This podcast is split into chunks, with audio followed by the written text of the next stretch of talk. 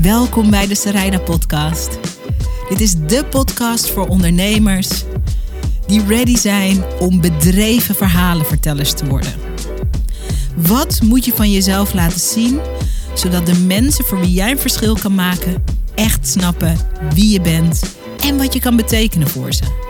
Dat is waar ik je mee inspireer in deze podcast. Simpele tips, tools, inspiratie en ik zet je aan het werk. Leuk dat je er bent. Hij is een groot begrip in de journalistiek en ze noemen hem een meesterinterviewer. Frank van der Linden. Frank is al sinds jaar en dag mijn mentor, mijn journalistieke mentor. En hij maakte televisieprogramma's waarin hij mensen interviewde. Hij maakte documentaires. Hij heeft boeken geschreven. Hij heeft de groten der aarde geïnterviewd. En hij leerde mij de kunst van het vraaggesprek. Vandaag is hij de gast in mijn podcast. Ik vind het spannend. Ik vind het leuk. Hij is hier om te praten over zijn nieuwe boek. Een super persoonlijk verhaal. Een reeks brieven. Aan zijn overleden ouders over hun liefdesoorlog. Oftewel over hun vechtscheiding.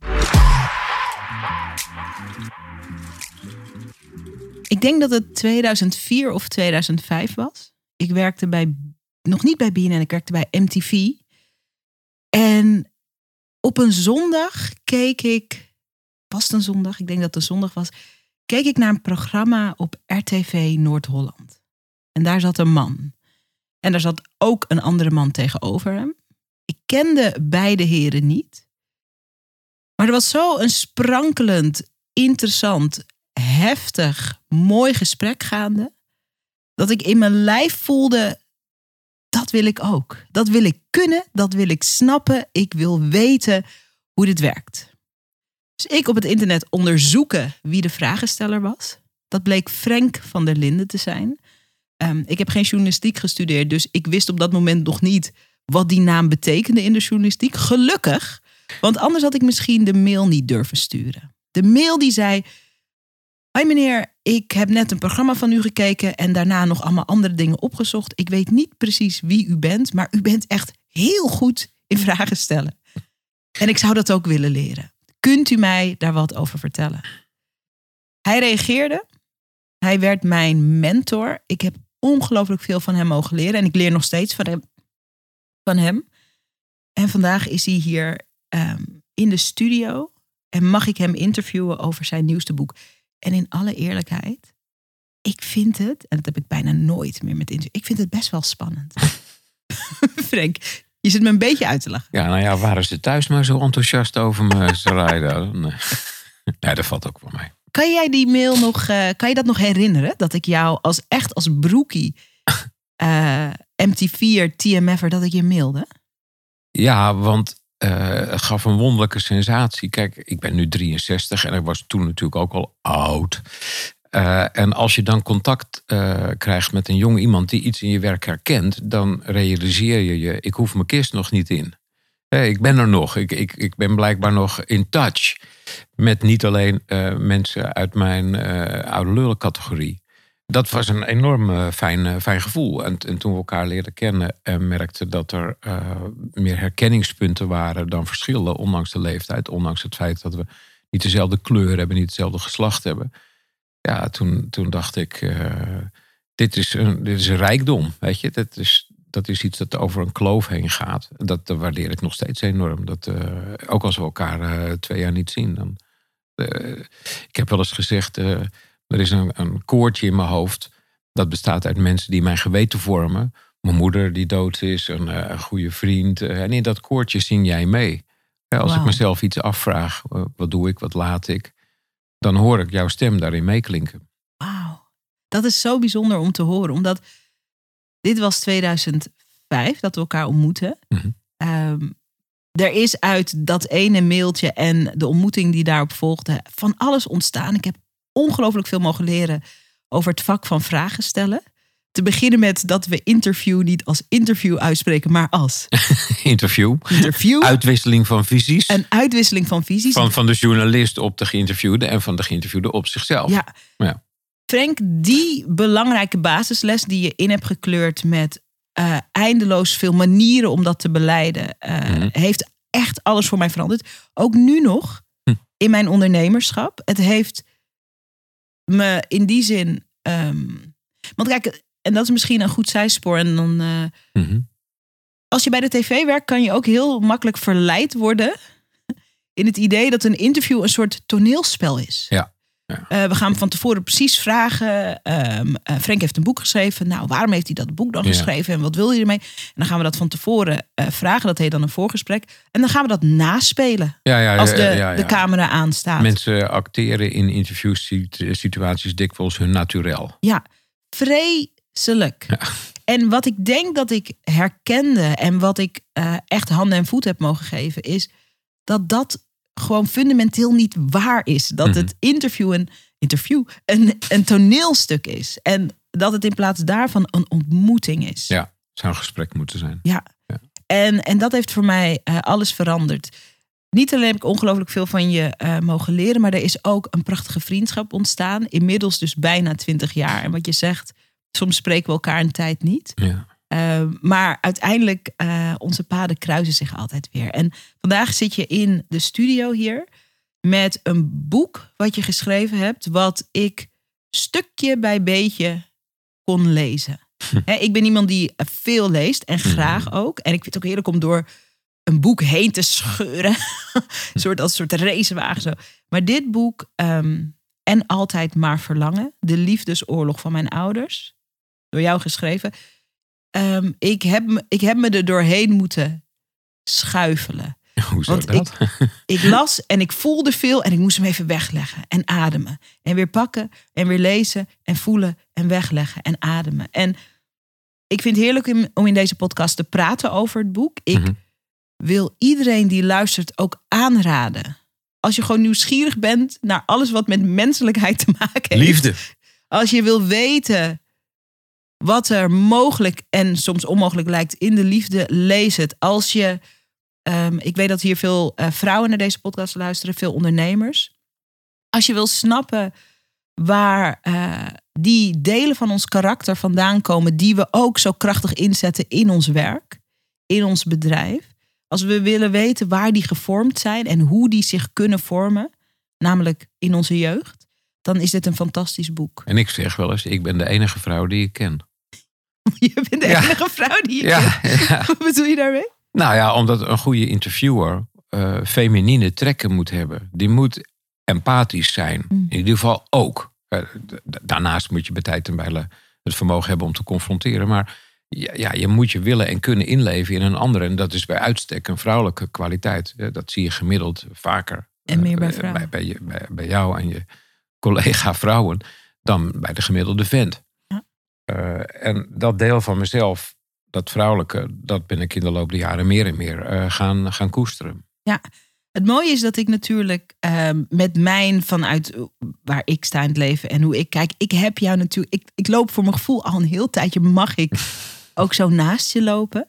En ehm, toen ik je leerde kennen en toen ik ook eh, dook in je werk, toen zag ik veel vaker inderdaad die Frank die op een hele elegante manier met een gestrekt been erin kon. Maar wel En- een gestrekt been. Ja, wel een gestrekt been. Ja. ele- elegant. Vaak Ja. ook respectvol.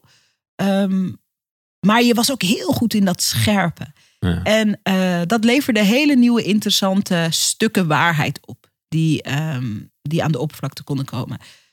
In de afgelopen twintig jaar heb ik eh, heel mooi mogen meekijken in hoe ehm, die, die, die allesziende ogen steeds meer naar binnen durfden te draaien. Dus als het ware, een journalist wil de wereld ontcijferen. Eh, en ik heb gezien dat je de wereld wilde ontcijferen, maar ook jezelf. Ja, dat, dat was een behoefte die, die lang eh, is onderdrukt door mijzelf. Ja. Maar dat is wel uiteindelijk eh, gebeurd. Weet je nog wat de katalysator was? Want er is nu dit boek. Er is ook een prachtige documentaire een paar jaar geleden. Ja, nou daar zit het gemaakt. Precies, precies bij die documentaire. Want mijn vader en moeder hadden elkaar toen ik die film tien jaar terug maakte... eigenlijk al een kleine eeuw, nou ga ik overdrijven... een kleine halve eeuw niet gesproken. Nee. Eh, zij waren uit elkaar gegaan op mijn dertiende. En eh, dat was haat en nijd. Nou, een oorlog, zoals de ondertitel van het boek is. Op een gegeven moment kreeg mijn moeder Alzheimer. En dat betekende dat er misschien nog maar iets van een half jaar was van helderheid of semi-helderheid in haar hoofd om een laatste poging te ondernemen, pa en mam te verzoenen. In ieder geval de vrede te laten tekenen. Ik vroeg hen, uh, mag ik jullie voor een tv-documentaire uh, de vraag stellen, wil je echt in deze pijn en in deze bitterheid de dood? Hm. En daar zeiden ze direct ja op, tot mijn verbazing ijdele apen. Ik heb het niet van een vreemde.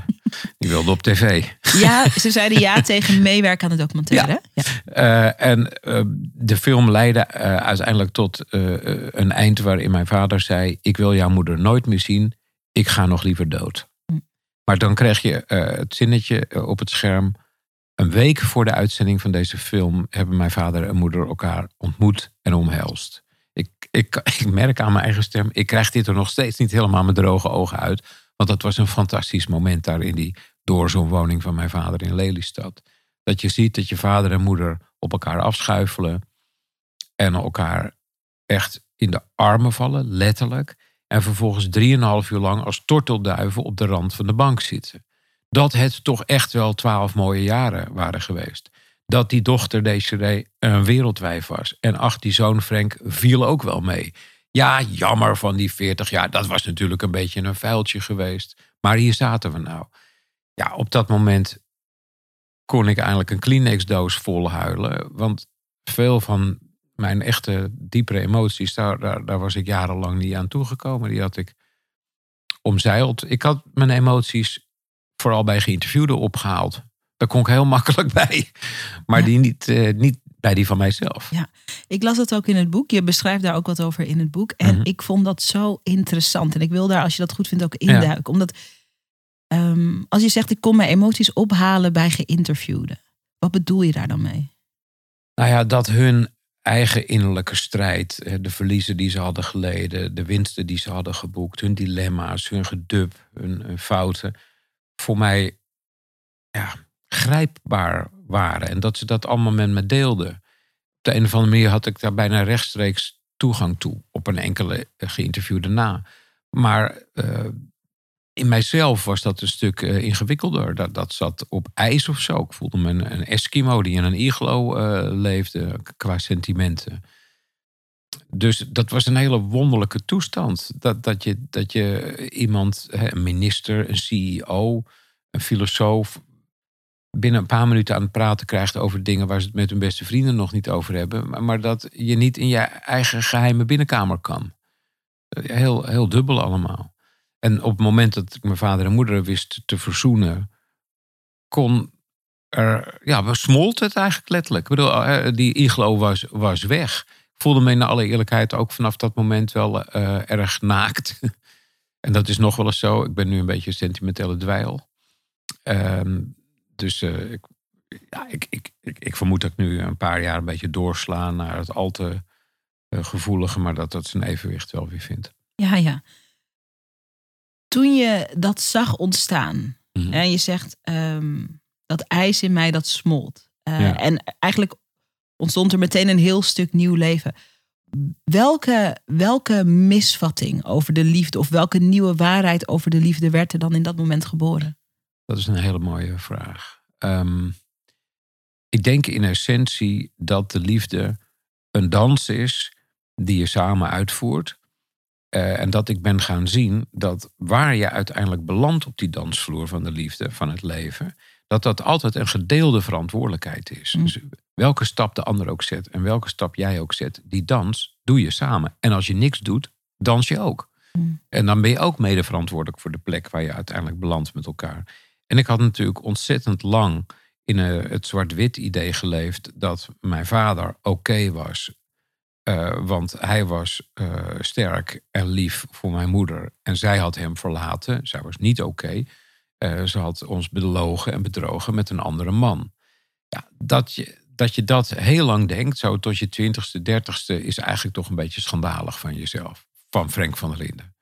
Want dat is gewoon te simpel voor woorden. En ik denk dat het, dat het echt de doorbraak was dat ik begon te beseffen: kom op, als partijen ingewikkelde conflicten hebben en landen en buren, dan ook je vader en moeder. Ja. Dus durf te zien hoe complex het was. Durf te onschuldigen. En die, ehm, die reis ben je aangegaan om uit te pluizen. Ja. Eerst in de film, de film heet Verloren Band, prachtige film.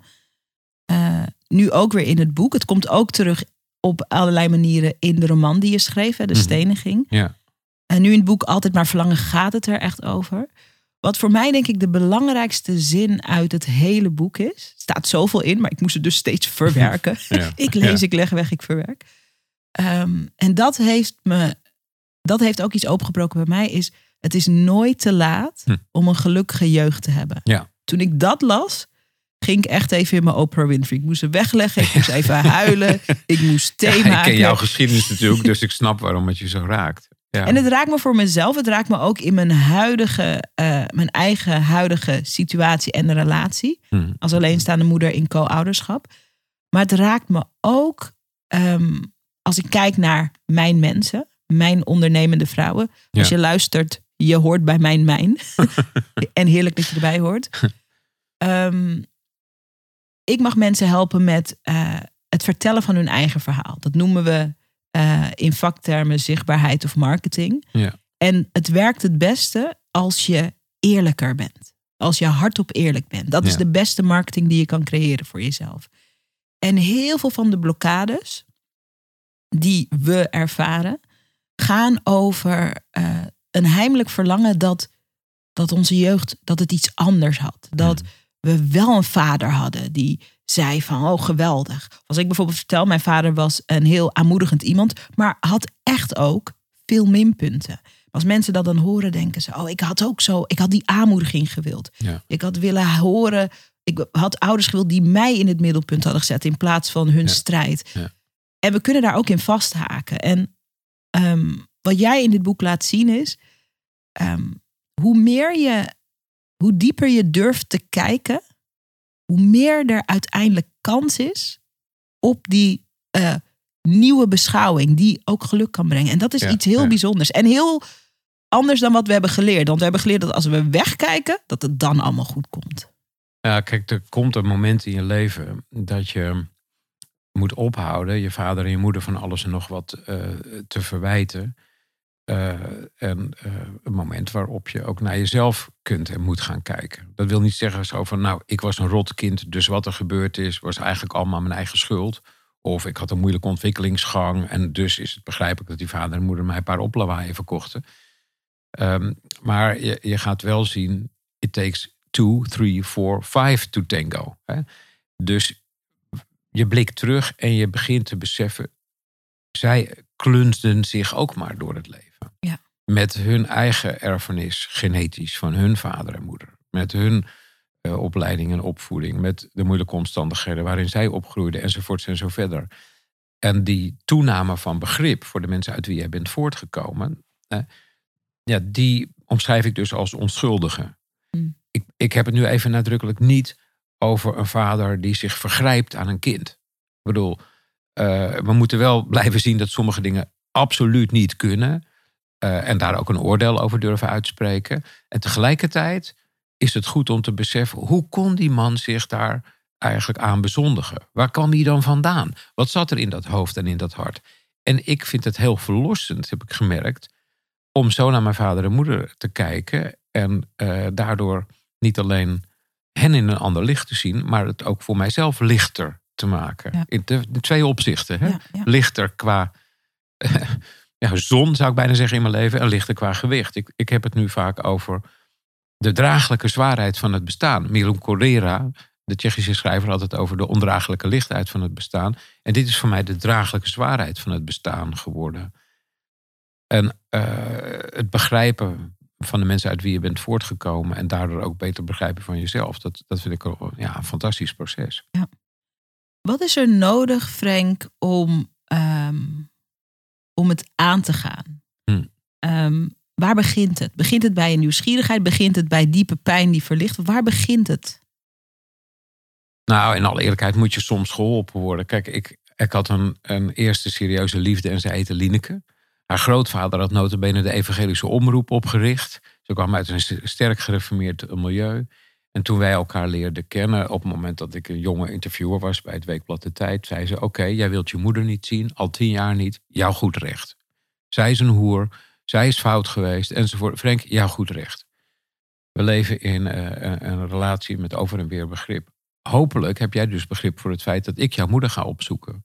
Want ja, ik ben wel benieuwd uit wie jij bent voortgekomen. Mhm. Dus kan ik daar dan even de ruimte voor krijgen? Ik dacht, wat krijgen we nu? Daar ging zij dan. Ze ging corresponderen met mijn moeder. Ze ging mijn moeder opzoeken. Kwam met verhalen thuis over een wijze vrouw, een lieve vrouw enzovoort. En dat maakte mij wel verdomd nieuwsgierig. Mm. En dat heeft er erg aan bijgedragen dat ik uiteindelijk de moed opbracht met mijn zus Desiree om mijn moeder op te zoeken. Dus een beetje hulp is wel welkom. Mhm. Maar ik kan het voor een groot deel natuurlijk ook zelf doen door vragen te stellen. Ja. Kijk, wij lopen rond met ontzettend veel oordelen en zeker weten. En, maar nieuwsgierigheid is, is een van onze grootste menselijke kapitalen. Ja. Dus vraag jezelf dingen af. Vraag hen dingen af, om het lelijk te zeggen. Want het brengt je gewoon ontzettend veel. Ik bedoel, wat we weten is eigenlijk helemaal niet interessant, want we weten het al. Wat weten we niet? Ja, Wat we begrijpen we nog niet? Ja. Dat is in de journalistiek en in de wetenschap en ook in ons persoonlijk leven natuurlijk goud. en in het ondernemerschap Ja. net zo. Ja. En er is zoveel te beleven, er is zoveel te ontdekken. Maar ik denk wat er belangrijk is aan wat je omschrijft, is dat er een bepaalde bereidwilligheid moet zijn of mag ontwikkelen. eh, om, om iets niet te weten en om daar gewoon in te zijn. Ik weet dit nog Ja. niet. Sommige mensen vinden dat heel eng. Ja, is het ook. Kijk, ik zal, ik zal er eentje doen. Ik heb het boek bewust opgeslagen op die pagina. Mijn moeder vraagt mij op een gegeven moment een, ja, iets. En ik kan het niet beantwoorden. Niemand. Niemand die zit te luisteren ook, denk ik. Ja, dat, het, het vorm, het, het boek heeft dus de vorm dat ik honderd brieven schrijf aan mijn overleden vader en moeder. En deze is zo aan mijn moeder, heel kort. Mam, de moeilijkste vraag die jij mij ooit hebt gesteld. Eerst vroeg ik jou wat het nou 30, 40 jaar terug zo moeilijk voor je had gemaakt om de knoop door te hakken. Pa of John, je minnaar? Ik hield van allebei heel veel. En nog, zei je. De dokters vonden dat ik moest kiezen, anders zou ik gek worden. Maar ik werd juist gek doordat ik moest kiezen. Je nam mijn handen in de jouwe. Frank, ik heb vier kinderen. Vertel me eens, jongen. Waarom mag een vrouw wel houden van vier kinderen, maar niet van twee mannen? Hmm, Nou, dat is voor mij de kern. En ik heb geen antwoord op die vraag. Nee. En, en wie wel? Wij houden vaak van Jan en Alleman. In allerlei verschillende vormen. En soms ook van eh, twee vrouwen of twee mannen of, of meer. En dat mag niet. eh, van de Bijbel niet. Van eh, maatschappelijke opvattingen niet. Van vele politieke partijen ook niet. Maar we doen het wel. Hmm, En hoe vinden we op dit soort ingewikkelde dingen nou een antwoord? Door nieuwsgierig te zijn en het te durven onderzoeken. En het is verrotte eng soms om je te begeven in vragen die moeilijk zijn. Maar het is nog veel enger om je er niet in te begeven. Nee, nee. En het is zo'n kans. Het is zo'n kans om, om te leren, om te voelen. En dat aangaan. En daarin zijn ook parallellen met het ondernemerschap. Hm. Eh, wat er het moeilijkste aan is, is ook het meest prachtige. Ja, wat is Dat- dat, voor jou dan bijvoorbeeld? Dat je, ehm, ik kan vandaag iets leren. Net als dat ik jou dus tweede, in, de, in 2005 die mail stuurde. Mhm. Door, ik kan vandaag iets ondernemen, iets doen, waardoor de koers van mijn leven verandert. Ja. Als ik die mail niet had gestuurd, had heel Ja, veel ja, uitgemaakt. ja, dat vind ik ook fantastisch aan het ondernemerschap. Ik ben natuurlijk ook maar gewoon een eh, emotorige mug, een ZZP'er. ja. Zo kan je het ook omschrijven. Ja. Dat, en dat is tegelijkertijd, als dat te veel in je hoofd gaat zitten, wordt dat heel ingewikkeld. Want dan lijkt het alsof alles er de hele tijd heel veel toe doet. ja. En eh, om daar een bepaalde zachtheid en een bepaalde ontspanning in te eh, proberen te houden. Hè, van, ik, ik, voor mij is dat, dan ben je in touch met wat het leven ook is. En als je alles weet en, en zegt dit, dit is het. Is dan- geen flikker aan. Nee, Nee, ik had, ik had ooit een gesprek met Louis Tas. Dat was eh, de psychiater van de eh, roemruchte interviewer Ischa Meijer, onder andere. En die zei, nieuwsgierigheid is waarschijnlijk een biologische eh, drift... die we al in de oertijden nodig hadden... om de jungle die het leven is door te komen. Eh, dan, dan, ja, dan lag daar dat woud... En dan moest je nieuwsgierig zijn als beest, als mens, naar de vruchten die daar in de bomen hingen. Of je moest uitkijken voor de valkuilen die daar onder het mos lagen. En die nieuwsgierigheid, die kwam je dus heel goed uit. Want dan haalde je misschien heel uit de horizon. Mhm. En als je minder nieuwsgierig was, dan had je een hele grote kans dat je in die valkuil flikkerde. Of dat je vergat die vruchtbare vruchten te eten. Ja. Nieuwsgierigheid is cruciaal. Maak er gebruik van. Ja, Ook nu we niet meer in de jungle leven, maar in de stedelijke jungle. Of eh, nou, de jungle die heel Nederland of de wereld eh, zo'n beetje mag heten inmiddels. mooi. Frank, Fra- oh god. Dat is je technicus, Frank. Ja, ja oké. Dus jongens, dit gaat misschien nog een paar keer fout. Frank en Frank. En vrij. En, en vrij, ja, inderdaad. Ehm, en dan ben ik natuurlijk meteen ook mijn vraag vergeten. Frank, jij hebt dit boek geschreven. Eh, het is ongekend eh, openhartig. Hè? Er staat ook op, eh, op de kaf staat hier pijnlijk mooi de ontleding van twee karakters in een scherp en liefdevol familieportret van schrijver Tommy, Tommy Wieringa. Mhm. Toen je dit boek schreef, en ik vraag dit ook uit egoïstische bewegingen. Ja. Zal je daar wat meer over vertellen Ja. straks.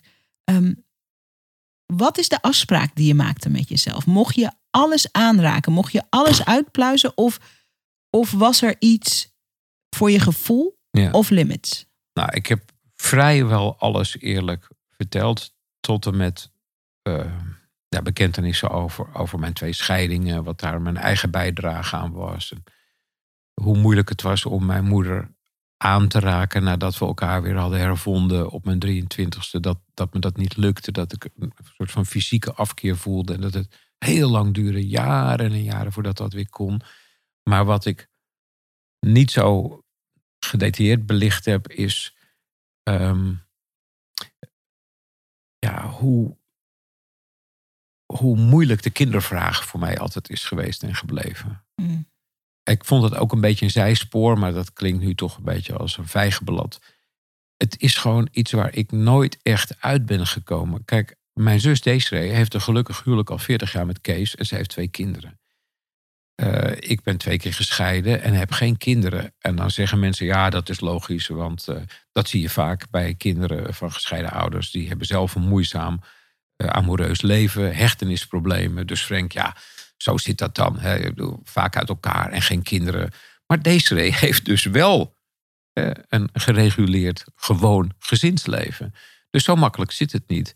En ik zou heel graag snappen, maar dat is misschien een boek op zichzelf, hoe het kan dat ik niet ben toegekomen aan kinderen. Ja, jij wel. En jij hebt toch ook, eh, dat weten jouw luisteraars ongetwijfeld, het nodige meegemaakt in jouw jeugd. Over hechtingsproblematiek gesproken. Eh, ma- mag ik vragen, hoe, hoe ben jij in staat geweest? Hoe heb jij de kracht gevonden om ook kroost op de wereld te zetten? Tegen zo'n achtergrond. Ik heb het gewoon niet gedurfd of gekund of gewat dan ook. Nee. Ik snap, eh, als jij dat vraagt, dan snap ik meteen echt wat je bedoelt ook met die vraag. Voor mij is zo, ik heb mijn dochter laat gekregen. Ik was 35. Ja. Ik wilde altijd kinderen, Frank. En ik durfde nooit. En als je ook carrière-minded bent, dat zijn we allebei.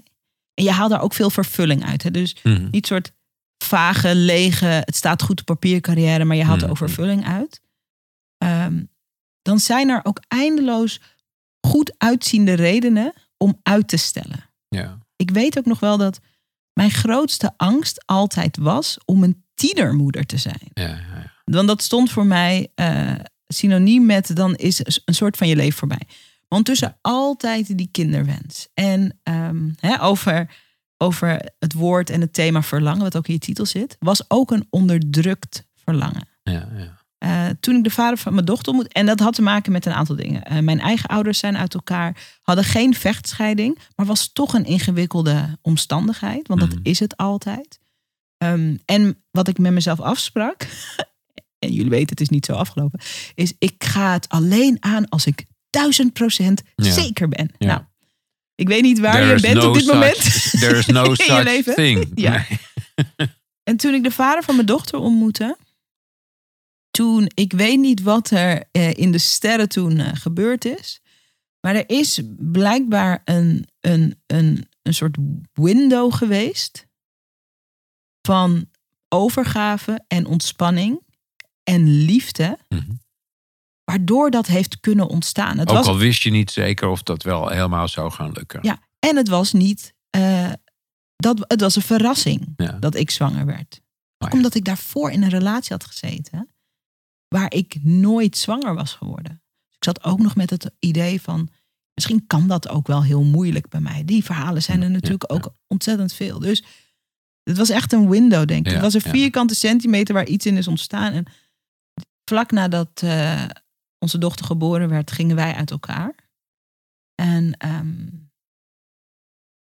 we zijn nu, uh, vind ik, goede coach. Ik ben daar heel trots op. Het is ook heel, hè, je had het eerder, had je het over je verdiepen en je had het over vergeving. Je gebruikte die woorden niet precies, maar dat... Hartstikke moeilijk. Ja. ja. Ehm, ik heb zo een interessante arena in mijn leven gecreëerd. een arena. Om een topsporter qua vergeving, ook naar mezelf toe te zijn. En, maar wil jij mij dan eens even helpen?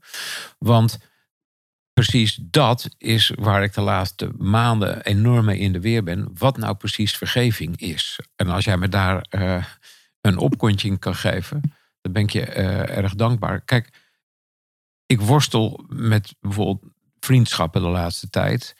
Uh, ik ben één of twee keer echt belazerd door iemand van wie ik heel veel hield en hou.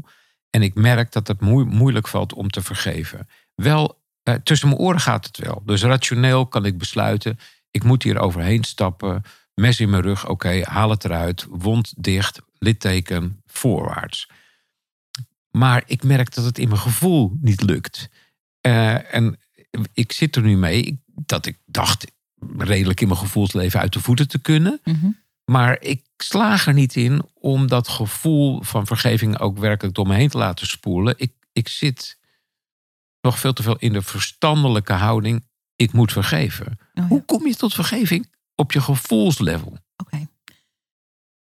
Ik kan alleen delen hoe ik dat en echt waar heb aangepakt. En ik heb het echt aangepakt. Ik had al een keer een fantastische, interessante generale repetitie qua vergeving hm. eerder in mijn leven.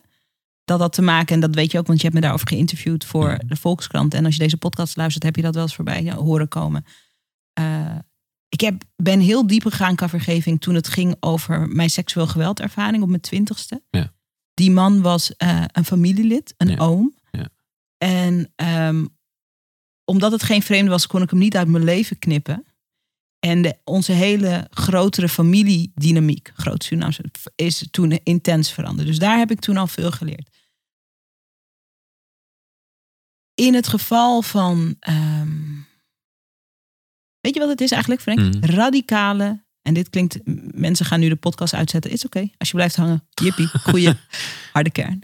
Radi, radicale verantwoordelijkheid. Dus als ik kijk naar mezelf, ik ontmoette de vader van mijn dochter uh, ik kan niet. Ik ben, ik was. Ik ben gewoon face first in een soort bad met liefde gedoken. Hmm. En gedacht: dit is het, dit is het, dit is het. Dus dat was super overwhelming. Dit is het. En uh, ik vertelde laatst tegen iemand. Um, wij, wij woonden ook uh, samen. Als ik de sleutel in het slot stak en ik kwam binnen en ik zag zijn schoenen die dan op een bepaalde manier lagen. Dat betekent dat hij ook thuis is in plaats van dat ze uh, daar netjes gestald en dat hij weg is met een andere persoon, ging mijn hart sneller kloppen. Hij is thuis. Hij is thuis. Van dat naar uh, het ongelofelijke minpunt ging mega snel. Er zijn allerlei redenen voor, vind ik niet. Ben ik niet de persoon en vind ik niet. Wat ik deed, ik had ook een, ik had een coach ook.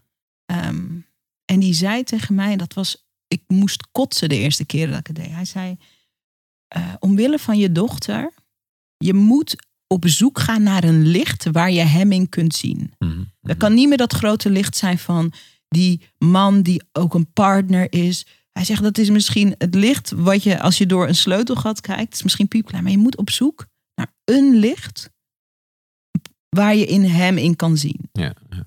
En uh, die coach zei tegen mij: Wat ik wil is dat je elke dag gaat zitten, 10 minuten. En dat je je voorstelt dat de vader van je dochter ongekend gelukkig is hm. met een nieuwe liefde. Want hij gaat nieuwe liefde vinden. En de eerste keer dat ik dat oefende, ik zei: Waarom moet Waarom? Hij zei: Ga maar proberen. moest 30 dagen lang. Ik moest kotsen. En alles wat boven kwam, het is oneerlijk. Je verdient het toch nooit meer ongelukkig. Hij zegt allemaal, ga maar opschrijven, ga allemaal maar aanschouwen. En uiteindelijk, en dat was helemaal niet leuk, maar het was een, een heel praktisch, eh, een heel praktische visualisatie die alle pijn die onder die breuk zat, Ja. naar boven deed komen. Ja. En heel veel van die pijn ging niet over hem. Ja, Snap je wat ik bedoel? Ja, ja, ik snap heel goed eh, wat je bedoelt. En ik, ik denk zeker dat ik hier ook het nodige mee kan. Eh, Ik ga dat op mijn eigen manier ook eh, proberen. Misschien is een ander stuk ervan, en ik ben benieuwd in hoeverre je dat herkent, dat je onderzoekt, ik poog dat nu, wat je eigen bijdrage is Precies, geweest aan precies. die ontsporing. Precies. Eh, in het geval van die vriendschappen denk ik, oké, er, er was dus op een gegeven moment dat mes in mijn rug. Maar daarvoor heb ik die ander misschien wel wat weinig zien staan.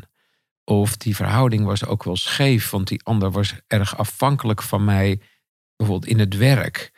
En dat kan op den duur niet goed gaan. Dat had ik eerder moeten beseffen. Ik had dat moeten adresseren. Daarmee ben ik dus mede verantwoordelijk voor een situatie die langzaam maar zeker is gegroeid, waarin die ander zich zo benauwd voelde dat hij uithaalde naar mij. Nou, dat vond ik ook behoorlijk confronterend en ingewikkeld. Eh, en ik denk dus wel dat ik dat verstandelijk allemaal onder ogen kan zien. Maar nu nog die laatste stap naar die echte vergeving. En jij draagt daar iets aan bij door wat jij nu zegt.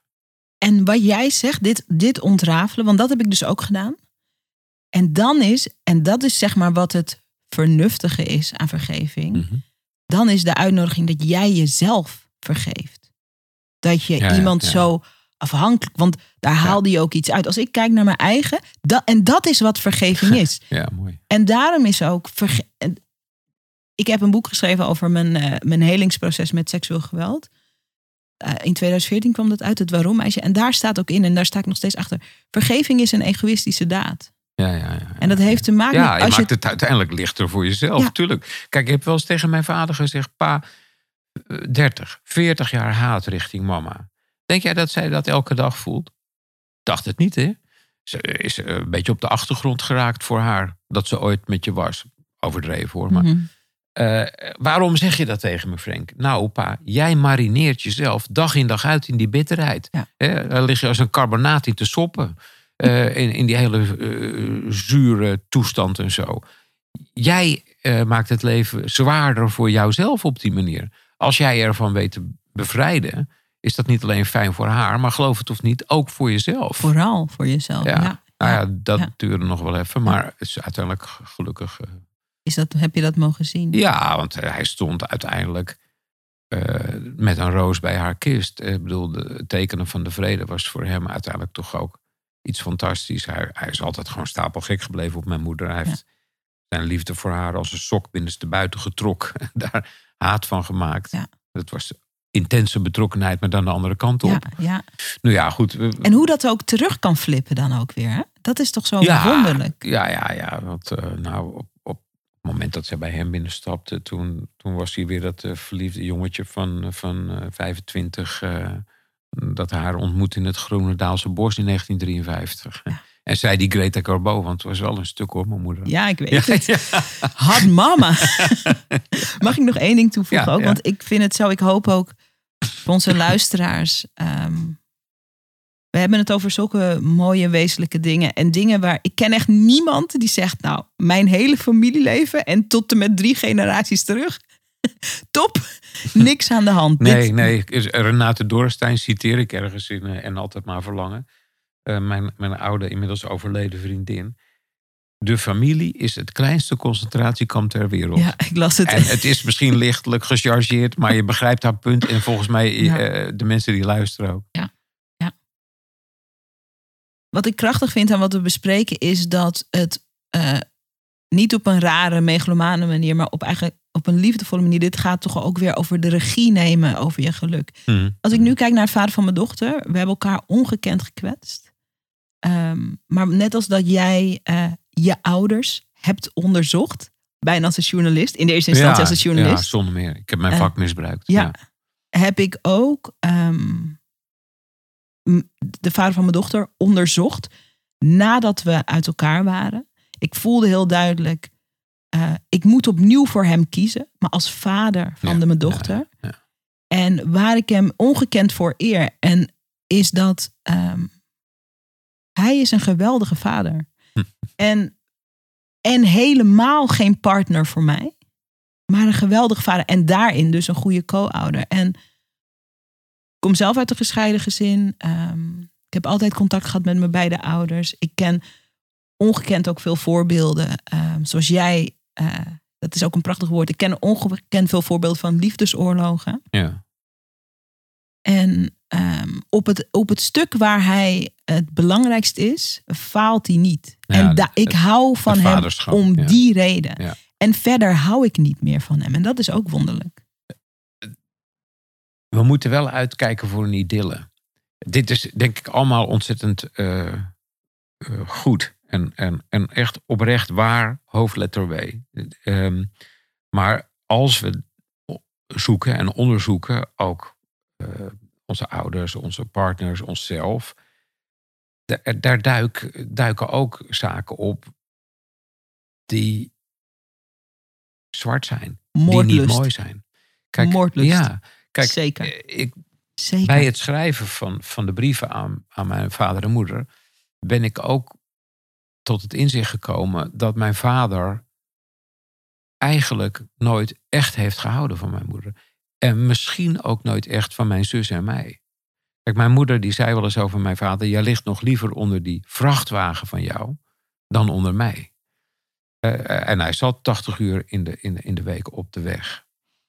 Hij heeft ja, wel met haar aan, aan de arm over de kermis in de Bollenstreek gezwierd. Want zij was een trophy wife. Hè, Ze was, eh, zoals gezegd, een Greta Garbo, een filmdiva.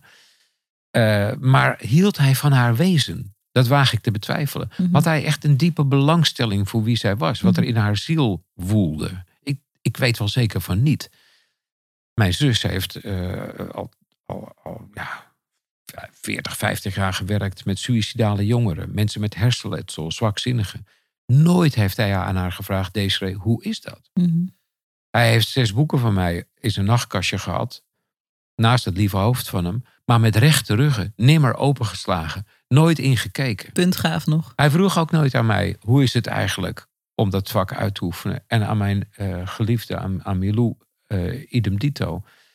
Mijn vader was een onvermogend man als het ging om liefhebben van anderen. Mhm.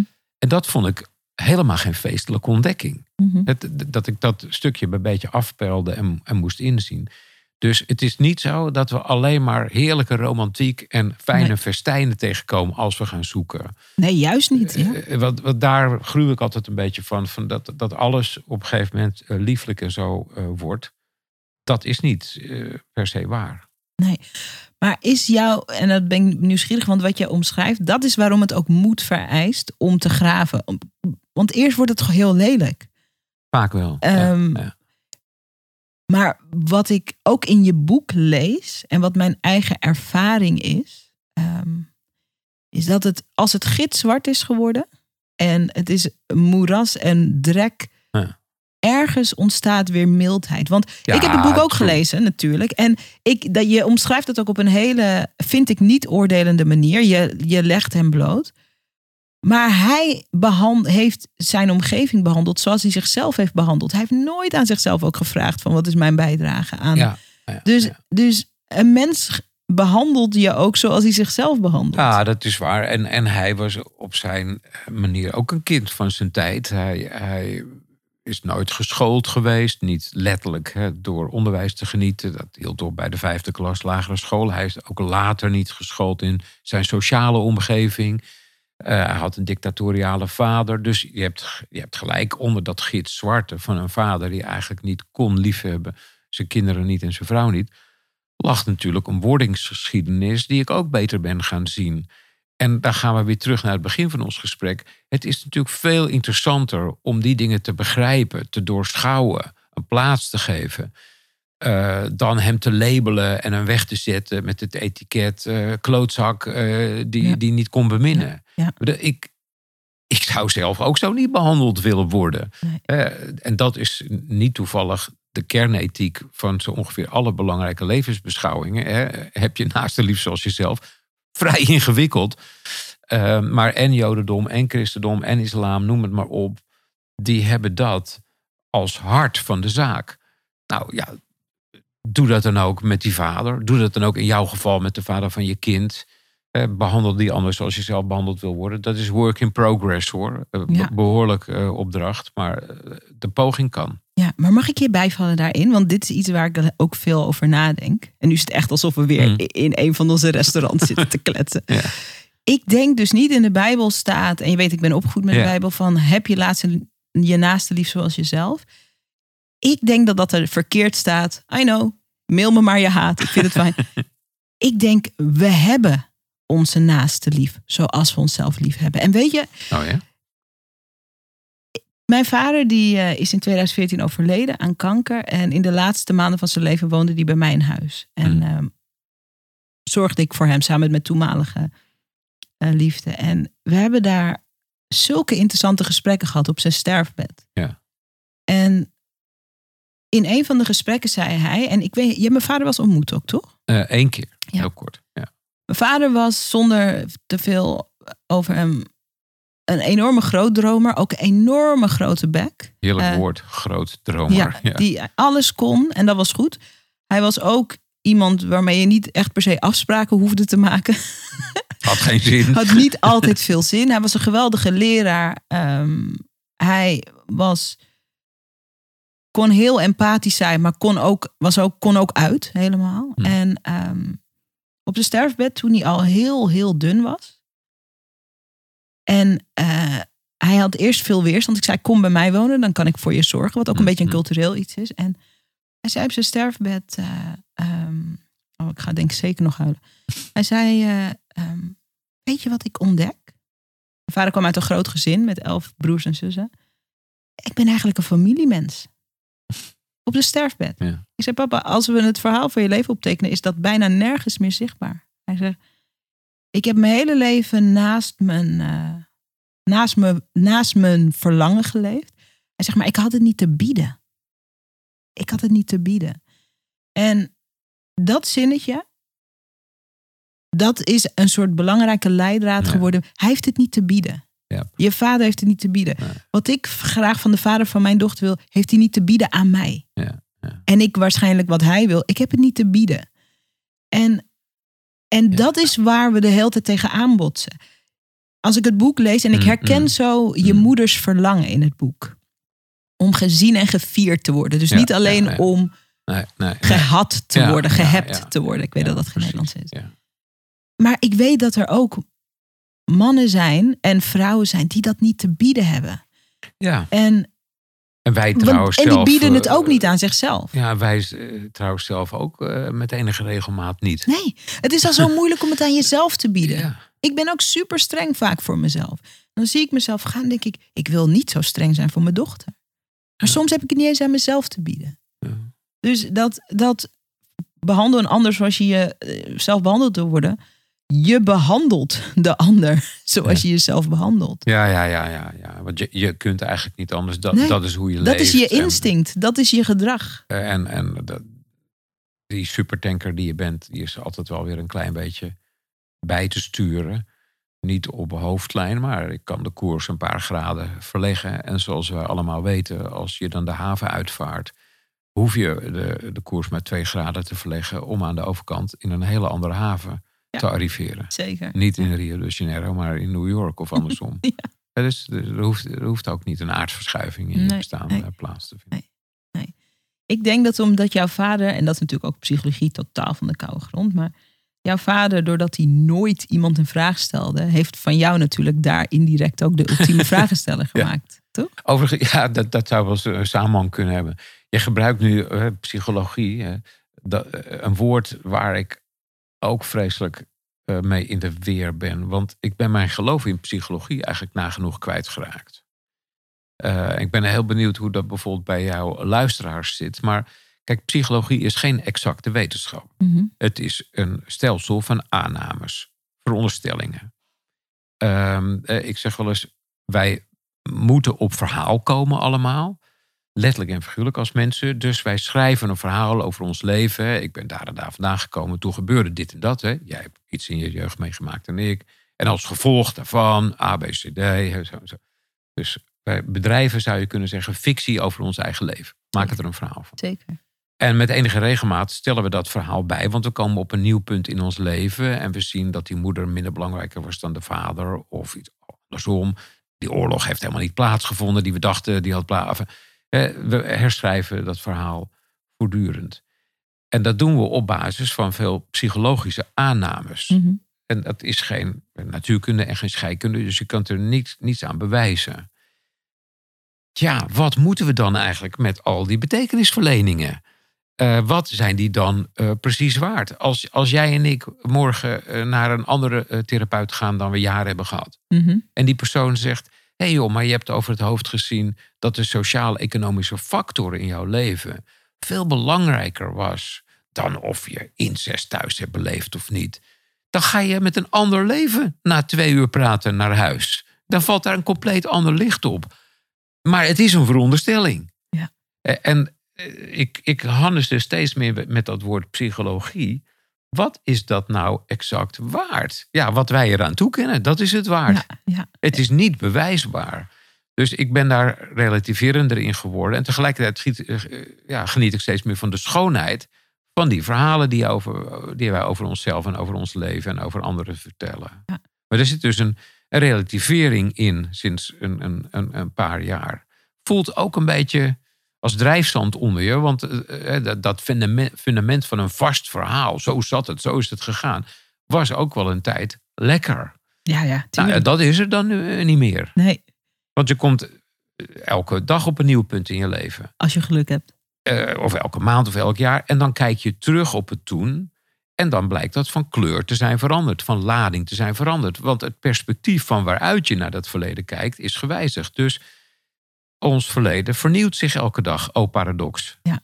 Je zit het te vertellen, ik weet niet of je het ziet. Ik heb één grote glimlach. Want dit, vind ik dus, dit vind ik dus ook de magie van het leven. Ja, En het is ook, en ik denk, en ik ben benieuwd hoe jij dat ziet. We hadden in het verleden altijd mooie gesprekken over religie. ja, Voor mij, wat er nog achter de, deze hele psychologische laag zit. En hier zouden we eigenlijk een aparte podcast Mm. over kunnen maken. Want weet je waar ik, en ik, dat heeft te maken met wat je zegt. Ik geloof steeds minder in het karakter. Ja. Oh ja, dat is, dat is nou typisch. Ja, dat, Ja. Ik geloof wel in heel diep ingesleten gewoontes. Maar ik geloof steeds minder in het karakter Ja. als soort vaststaand iets.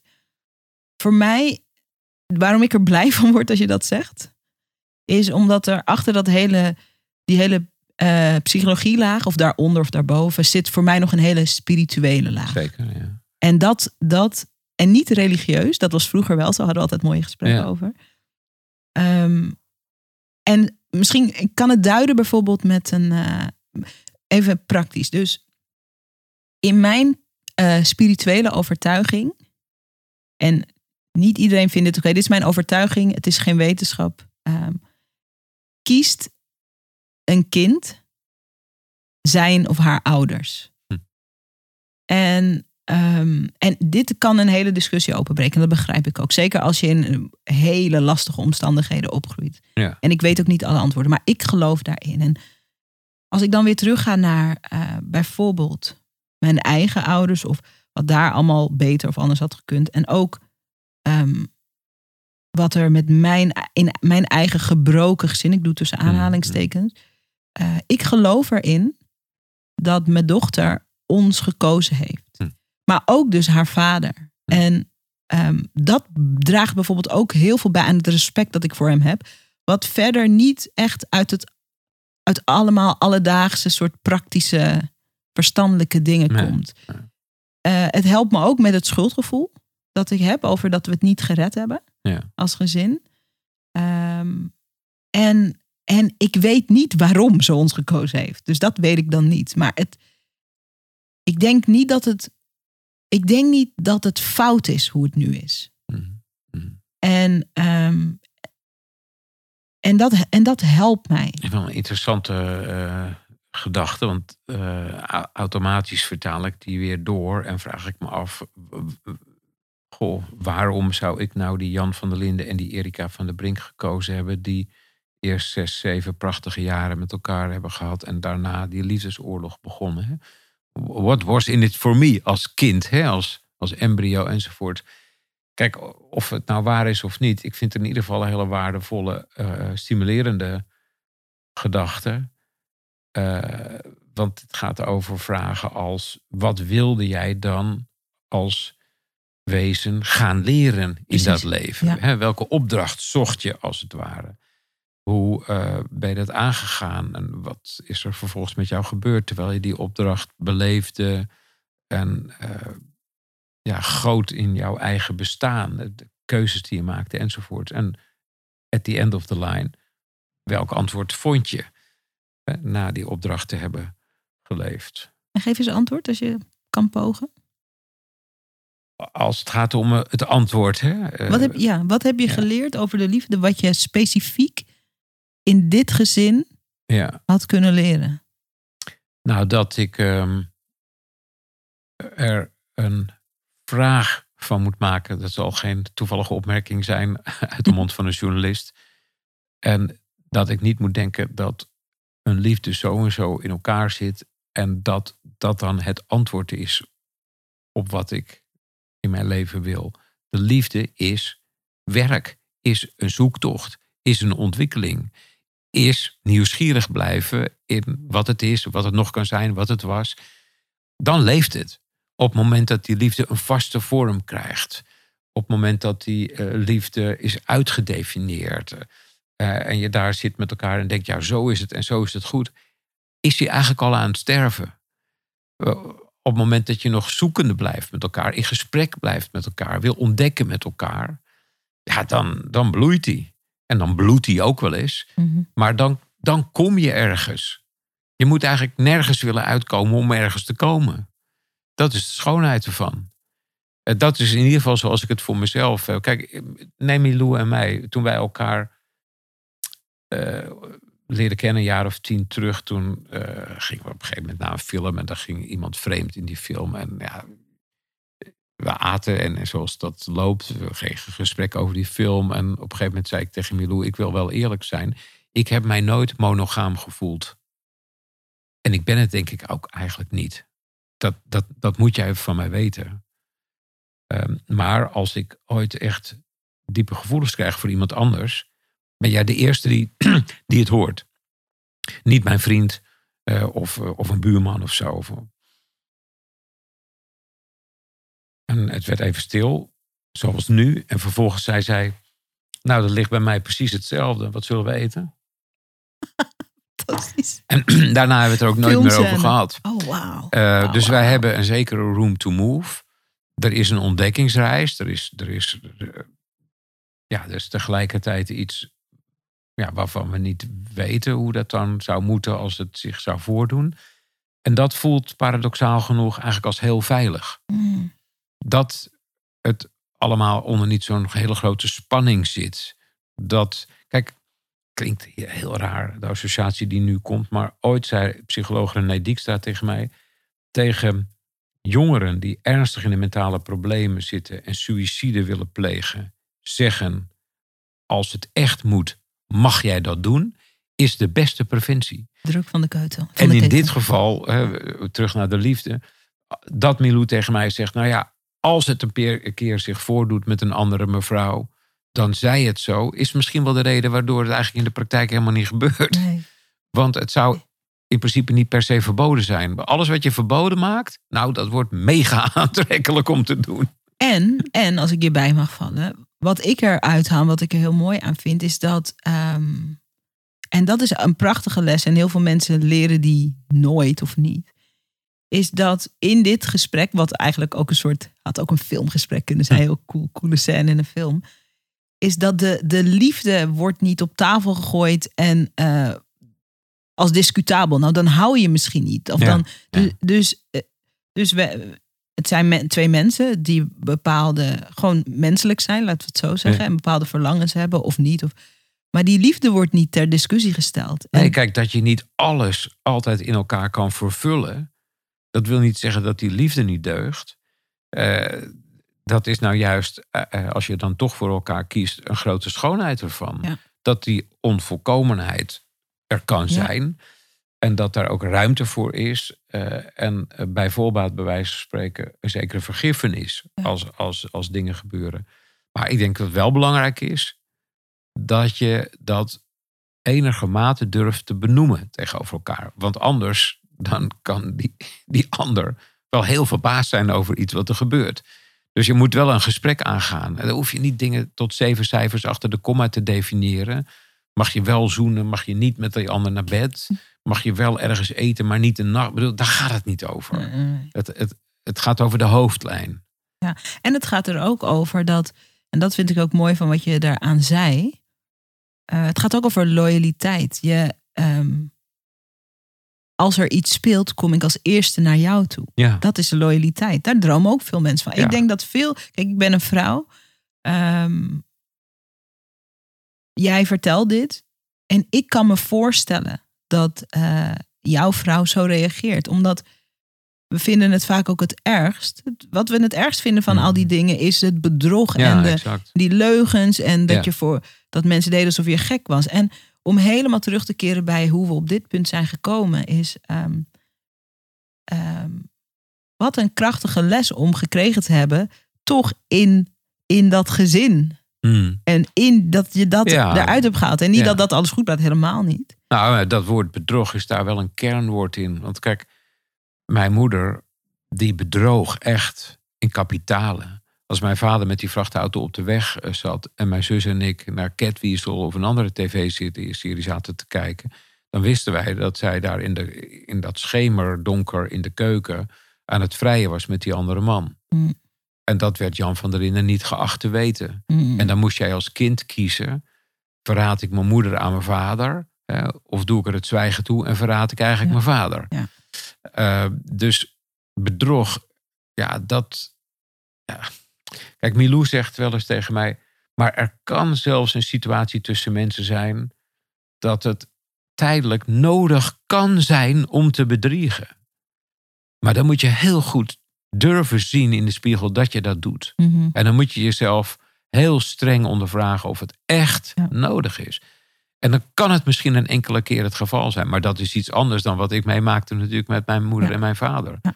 Eh, mijn, mijn moeder gaf briefjes aan mijn zus Desiree voor die John die zij dan ergens onder een bank in een park moest leggen. Eh, en, en, en talloze andere varianten. Schandalige dingen doen als huilen is voor jou te laat voor mijn vader aanvragen op de radio. Ja, Eh, dat Jan van der. Linden.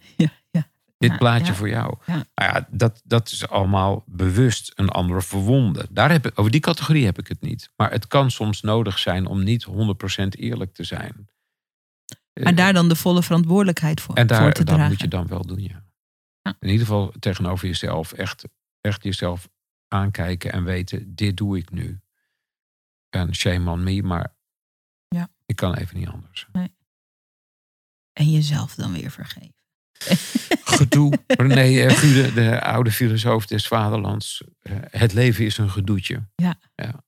Maar nog leuker dan het al was. Ja, Eh, dat, dat, dat, kijk, het, het leren, dat is natuurlijk een fascinerend, een geweldig proces. Ik vind het ook steeds leuker om ongelijk te krijgen. Gelijk had ik al. Is geen flikker aan. Applaus, gelijk. maar nee, maar dat iemand tegen je zegt, Sarai de Groenehart eh, of eh, Donald Trump, maakt me niet uit. Je ziet het verkeerd, want met Brazilië en Laos hè, is dat en dat gebeurd en daardoor hebben ze zo'n lastige verhouding. Of inflatie is een begrip dat jij verkeerd definieert. Of de liefde vul je niet goed in. En als je dat dan bekijkt en er zit wat in, dan denk ik steeds vaker wat leuk. Ik steek iets op. ja mooi. Ik ontwikkel me. Ja. Ik rijp. Ik ben nog niet kapot. eh, ik hoef nog niet begraven te worden. Eh, de boel is nog gaande. Levenslust. Ja, terwijl eh, gelijk willen hebben, ja, wat, dat- is een soort van piramide van Gizeh. Dan kun je zo eh 100 meter de diepte in worden geschoven, nog een steen erop, klaar. Wat is daar aan aan gelijk hebben? Ja. Dat is verstening. Ja. Dat is uiteindelijk gelijk krijgen en willen houden. Ja, oké, dan kies je voor de dood in essentie. Ja. En die nieuwsgierigheid naar waar heb ik geen gelijk, dat, eh, dat, is, dat, dat is dat stukje Mooi. er moet, er moet, je moet er altijd wel een, een soort van trots even overwinnen. Eh, om, maar ik, ik, ik zat een tijdje terug ergens in een eh, tv-programma. Discussie over wat was het, een nieuw dienstpistool voor de politie of zo. En nou, ik vond er het een van. En, en een politiecommissaris die er zat, vond er het andere van. En ik dacht na drie minuten, die man heeft betere argumenten dan ik. Dus ik zei live, hè, eh, ik denk dat u betere argumenten hebt dan ik. Dus ja, eerlijk gezegd eh, vind ik dat u gelijk hebt. Nou, ik zag het paniek in de ogen van de presentator. want Oh we moesten nog zes waar- minuten vullen. Waar moeten met we het nu over hebben? Ja. ja, en, ja. Ja, ja Wat jeetje. heerlijk. Ja, Ja. je mag toch af en toe wel eens een keertje ongelijk claimen. Ja, maar dit is denk ik iets, eh Frank, wat we in onze popcultuur weer ruimte voor moeten maken. Eh, het is oké als je het niet weet. Het is ook oké als je hardop van gedachten verandert. Ja, Dan ben je niet een weet ik veel wat met allemaal slechte woorden. Het is ook oké dat iemand je overtuigt. Dat betekent niet dat je zwak bent. Dat betekent dat je open staat. Dat, dat mis ik wel. ja maar het kan nog ergeren. Ik kreeg een tijdje geleden een brief van een collega. Die werkt voor Villa Media, het vakblad voor journalisten. Website. En eh, die verweet mij dat ik had verteld over een grote fout die ik eh, heb gemaakt vorig jaar op de radio. Eh, ik, ik interviewde iemand, een zeer gereformeerde meneer. en die wist 100% zeker dat alles klopt wat in de Bijbel stond. En ik ergerde me enorm aan. En toen maakte ik de stupide opmerking. Maar zou God ook een lesbische negerin kunnen zijn? Hmm. Ja, nou ja, gewoon duim naar beneden natuurlijk. Mm. Eh, en ik kreeg eh, boze mailtjes van luisteraars achteraf. En ik zei, ja, u, u hebt helemaal gelijk. Ik was zo boos. Ik liet mij door iets heel donkers in mezelf meeslepen. En eh mea culpa, fout. Nou, daarover vertelde ik op een gegeven moment ergens. En de hoofdredacteur van Villa Media verweet mij vervolgens koketterie. Ach, Dus je, kijk, het is Ah. fout als je een fout maakt, maar het is ook fout als je vertelt dat je een fout hebt gemaakt, want dat is een nieuwe fout, namelijk ko- koketterie. Ja, wanneer is het dan goed? ja, dit is, ja, oh, dit is zo. Ik krijg hier helemaal. De, maar ik- ja, ja. laten wij in ieder geval blijven zoeken en, en, eh, en de moed opbrengen om dan daarbij misschien ook weer in de fout te gaan. Maar niet zoeken is erger, Nee, ik. en het is ook wat ik hier interessant aan vind. En ook voor eh, als je zit te luisteren en je weet dat je meer verhalen zou willen vertellen. Maar je bent ongelooflijk bang om een fout te maken. En om dan vervolgens te moeten zeggen dat je een fout maakt. Dat is juist, het is juist een enorme. Kijk, die, die, die hoofdredacteur of eh, die Villa Media meneer, die heeft daar dan zijn eh, gedateerde ideeën over. Maar voor een legio mensen die zich niet uitspreken, heb jij de toestemming gegeven, Hm. eh, ehm, zonder dat je dat misschien doorhebt, van om gewoon ook menselijk te zijn. En dat is juist waar we zoveel behoefte aan hebben. Ja. We hebben behoefte aan menselijkheid. En als je bijvoorbeeld kijkt naar, ehm, dit is een voorbeeld dat ik vaak met mijn eh, ondernemers bespreek. Eva Jinek werd pas Eva Jinek toen ze een blunder maakte op de camera. Daarvoor was ze gewoon Ja, een gezichtsloze ja, ik nieuwslezeres. snap het. De, de, het ijskonijn. Ja, En toen ze grappig bleek en bij haar dus ook de bloed soms niet goed zit. ja, ja. Toen werden wij nieuwsgierig. Wie is dit? Wat leuk. Nou ja, goed, ja, mens zijn is natuurlijk feilbaar zijn en eh, uit je schil eh, stappen. En eh, nou, Eva is, is natuurlijk gewoon waanzinnig intelligente, gelaagde, rijk voelende persoonlijkheid. Maar ook zij heeft nog wel iets te winnen, denk ik, als het gaat om dat naturel. Je ziet dat gewoon aan haar. Het zit er allemaal, maar het moet toch op de een of andere manier een beetje meer uit de kokon. Ja, het klinkt misschien hoogwaardig uit mijn mond. Ik zie het niet per se eh, bij- vrouwen alleen of zo. Ik zie het ook bij mannen als Frank van der Linden. Het duurt gewoon vaak een tijd voordat je het durft. Voordat Vo- je, voordat je het toont. ja, ja. De- je moet vaak over iets heen. En tegelijkertijd zie ik soms eh, jonge mensen van 22, 25... van wie ik denk, jeetje, daar ben jij dus al. Het is een tijdsgeestding ook een ja, beetje hoor. je echt Ja. goeie hemel, Ja. daar was ik op mijn 23e absoluut niet. Nee, ik denk omdat de nieuwe generatie moet ook, hoeft minder af te kicken van, die, eh, van dat harnas. Ja. Wat we, wat je, we hebben natuurlijk allebei, jij werkt nog daar, maar we hebben allebei in Hilversum gewerkt. Daar word je ook, eh, afhankelijk van wat je doet natuurlijk, maar je wordt ook, eh, je krijgt heel veel ook onuitgesproken protocol mee. Van Ja, hoe natuurlijk. het wel en niet moet. En dit is niet professioneel en dit wel. Ja, ja, En het ondernemerschap is zo'n mooie kans om dat af te pellen. Die stomme, die stomme Ja, al, al is ook daar natuurlijk eh, de vorm vaak enorm prevalerend. Hè? Dat pak of die power dress, eh, de lijn die je, moet, die je moet hebben, eh, de twee dagen baard die netjes moet zijn bijgehouden, hoe je omgaat met een klant, niet altijd echt zeggen wat je denkt en voelt, want de business. Al die werelden hebben hun eigen codeproblemen. Mhm. Uh, en, en binnen al die uh, universumpjes zul je je eigen evenwicht moeten zien te vinden Ja. tussen, tussen ja, resultaat boeken en tegelijkertijd bij jezelf Ja. blijven. Nu doe ik maar even aanhalingstekens. Ik heb tot slot nog Ja. één vraag. En daarna wil ik iedereen die bij dit gesprek heeft gevoeld: wauw, ik ben ook nieuwsgierig geworden. Hm. Wil ik je liefdevol op het hart drukken om het boek te gaan halen en altijd maar verlangen. Je gaat er heel veel in terug eh, lezen. En het is zo'n boek wat je eh, nog vaker zal openslaan nadat je hem één keer hebt gelezen. Dat geldt in elk geval voor mij. Eh, er zit zoveel in. Dankjewel. Mijn vraag aan jou, Frank, is, en dat bedoelde ik iets eerder in het gesprek met, ik stel de vraag ook uit egoïstisch oogpunt. Ehm, ik ben ook bezig een derde boek te schrijven. Mhm. En eh, ik schrijf een reeks brieven aan mijn dochter over hoe het komt dat ze een geliefd kind is, Mhm.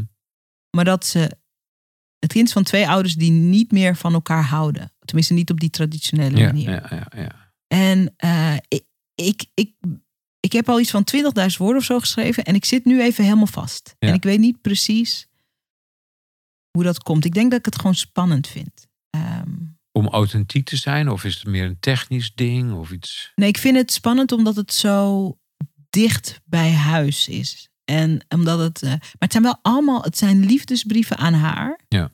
Eh, en ik wil dat ze het weet. Ik wil dat ze weet hoe het is en hoe het was. Ja. En Ja. ehm, ik vertrouw mezelf ook genoeg dat ik het opschrijf op een eerlijke, maar heel respectvolle manier. Ja. Ehm, maar net als bij mijn eerste boek, wat ging over seksueel geweld, je hebt me daar ook over geïnterviewd. eh, mijn verhaal zit natuurlijk tegen andermans verhaal aan. Ja. Je bent niet in een vacuüm je verhaal. Nee, en dat nee. weet je, want je hebt natuurlijk over jezelf geschreven, maar ook over de mensen om je heen. En zo heb jij dat met je dochter dan? Ja. Ja. En wat is je vraag daarover? Mijn vraag is: ehm, kan je me een, een wijsheid meegeven of een, een mantra of een spreuk die jou heeft geholpen om de moed te houden? Ik kan je er grappig genoeg eentje geven die ik vorige week van een wijsgeer heb gekregen. Dus in retrospectief denk ik, eh, is, is wat ik heb gedaan vervat in die opmerkingen. Het is van Paul van Tongeren, de denker des vaderlands. En die eh, heeft dit boek gelezen en die schreef mij. Ik vind het zo'n eh, prachtig eh, boek.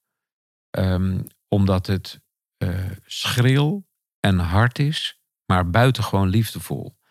En als je iets wil schrijven over het leven dat herkenbaar is voor anderen, moet je ook jezelf pijn durven doen. Mm, want het leven heeft ook altijd die kant. Dus dat warme moet erin zitten, wat je net verwoordt. Maar om echt van vlees en bloed te zijn, zou het ook pijn moeten doen. Bij de lezer, bij jou. En misschien ook op termijn bij jouw dochter. Omdat het leven dat allemaal is. Dat is dat yin-yang teken met een zwarte punt in het witte vlak. En een witte punt in het zwarte vlak. Het is alles. Het is die liefde. Het is die strijd. Het is die hele cholerenzooi.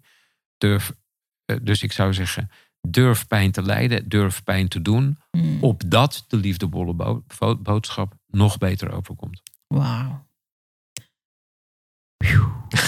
Amen. Amen. Frank, ik vond het fantastisch. eh, ja, dank je. echt fantastisch, fantastisch, fantastisch mooi gesprek. Heel bijzonder om nu, jaren later, als grote mensenmeisje jou ook vragen nou, te was je mogen toen stellen. al heel erg, vond ik eerlijk gezegd. Anders zouden we niet zo snel bevriend zijn geworden. Nee, dat was, dat was heel mooi. En is er nog steeds oké. Fijn dat we elkaar kennen. Ik ben heel Ja. dankbaar voor, onze, voor onze vriendschap. En heel dankbaar voor het boek dat je hebt geschreven. Moedig voorwaarts. En altijd maar verlangen. Frank van der Linden, dankjewel. Super tof dat je hebt geluisterd naar de podcast. Dankjewel. Hey, en als je een mooi inzicht hebt of iets wat je even met me wilt delen naar aanleiding van de podcast, check me op Instagram. Ik heet daar Sarayda Groenhart.